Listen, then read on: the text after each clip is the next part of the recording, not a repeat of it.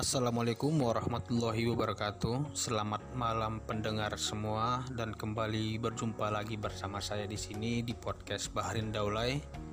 Pada podcast episode kali ini saya mau membahas tentang berita yang beberapa hari ini sedikit viral yaitu mengupload mengupload tulisan di media sosial yang berisi menagih hutang yang berujung dituntut 2 tahun penjara. Tagih hutang di media sosial. Pengadilan Negeri Medan memponis bebas terdakwa dalam sidang kasus pencemaran nama baik gara-gara tagih hutang di media sosial berupa postingan di Instagram.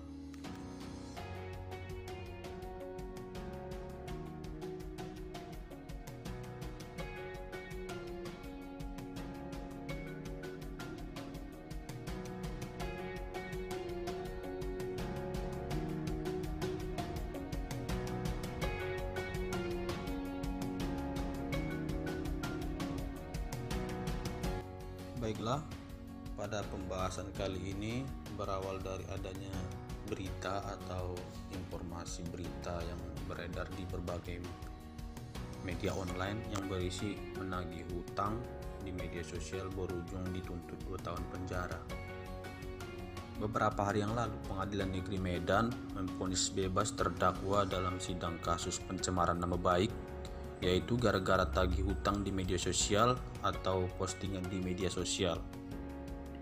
Bahwa kasus ini berawal dari adanya utang piutang yang berujung bahwa yang memiliki utang ini tidak mau membayar beberapa kali diminta oleh si yang memberi utang sudah melakukan tagihan baik melakukan melalui telepon, melalui DM Instagram pun dibaca dan tidak ada respon yang berujung si pemberi utang ini atau si terdakwa ini membuat postingan di salah satu media sosial media yaitu Instagram yang berisi bahwa si ini atau ibu ini mempunyai hutang dan belum dibayar. Tolong dong segera dibayar hutangnya isi dari status tersebut atau postingan tersebut.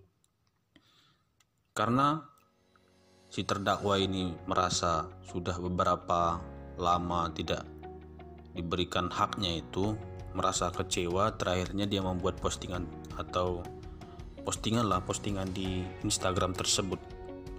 Bahwa setelah melihat postingan tersebut saksi korban merasa dirugikan atas postingan tersebut dan dicemarkan nama baiknya Kemudian dibuatlah laporan ke kantor polisi sehingga berujung kasus berlanjut sampai di persidangan.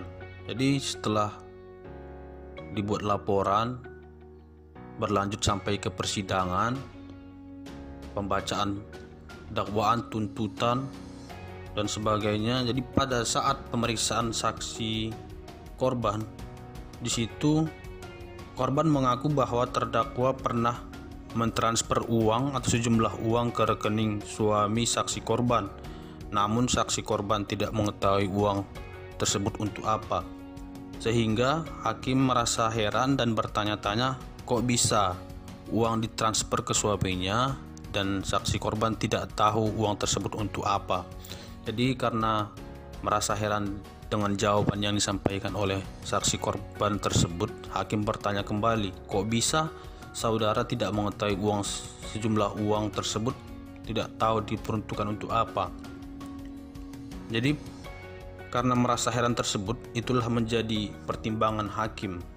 Jadi tuntutan JPU atau jaksa penuntut umum ini terdakwa ini dituntut selama 2 tahun penjara karena melanggar pasal 45 ayat 3 jungto pasal 27 ayat 3 Undang-Undang Nomor 19 Tahun 2006 atas perubahan Undang-Undang Nomor 11 Tahun 2008 tentang informasi dan transaksi elektronik atau yang biasa kita sebut dengan ITE. Dengan pertimbangan yang memberatkan bahwa terdakwa tanpa hak untuk mendistribusikan dan mencemarkan nama baik. Oke, apa sebenarnya isi dari pasal 45 tersebut, pasal 45 tersebut atau ayat 3-nya berbunyi setiap orang dengan setiap orang dengan sengaja dan tanpa hak mendistribusikan dan atau mentransmisikan dan atau membuat dapat diakses informasi elektronik dan atau dokumen elektronik yang memiliki muatan penghinaan dan atau pencemaran nama baik sebagaimana dimaksud dalam pasal 27 ayat 3 maka dipidana dengan pidana penjara paling lama 4 tahun dan atau denda paling banyak 750 juta. Jadi jika kita baca sebelumnya si terdakwa ini dituntut dengan dua tahun penjara oleh jaksa penuntut umum atau JPU. Jadi yang menjadi pertimbangan hakim adalah bahwa terdakwa tidak terbukti melakukan tindak tindakan melawan hukum atau pencemaran nama baik tersebut dan saksi korban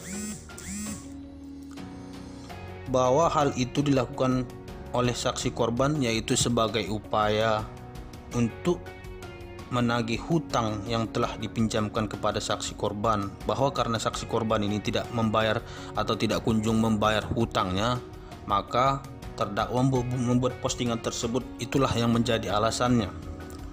Dan tidak ada akses untuk menagih hutang yaitu dengan adanya bukti di bloknya nomor dari si terdakwa oleh saksi korban dan sudah beberapa kali menagih hutang tidak dibayar juga. Dan yang selanjutnya itu saksi korban terbukti.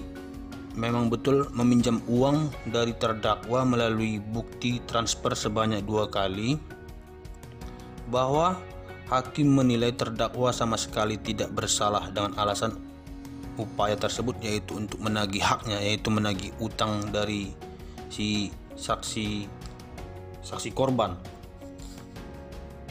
Bahwa menurut analisis saya melihat dari fakta-fakta yang terbukti di persidangan serta saksi-saksi atau keterangan-keterangan saksi yang telah diperiksa menurut saya putusan hakim sudah sangat tepat dan sangat berkeadilan. Dan terdakwa tidak terbukti melakukan pencemaran nama baik. Terdakwa membuat postingan tersebut karena merasa kecewa atas sikap si saksi korban karena mempunyai utang dan tidak kunjung dibayar. Dan ketika menghubungi yang bersangkutan, sang bersangkutan tidak merespon bahkan tidak ada kabar sehingga diduga menghindar atas kewajiban tersebut. Dan bahwa harus selalu kita ingat bahwa tujuan hukum itu yang utama ada tiga. Yang pertama itu keadilan, yang kedua kepastian, dan yang ketiga kemanfaatan. Selain itu tidak ada tujuan dari hukum itu. Tujuan hukum itu yaitu keadilan, kepastian, dan kemanfaatan. Mungkin sampai di sini podcast kali ini.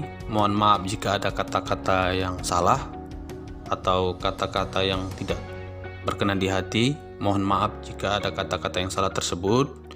Di sini saya masih juga tahap belajar dan ini untuk kita diskusi bersama. Mungkin sampai di sini podcast kali ini. Bila taufiq walhidayah. Wassalamualaikum warahmatullahi wabarakatuh.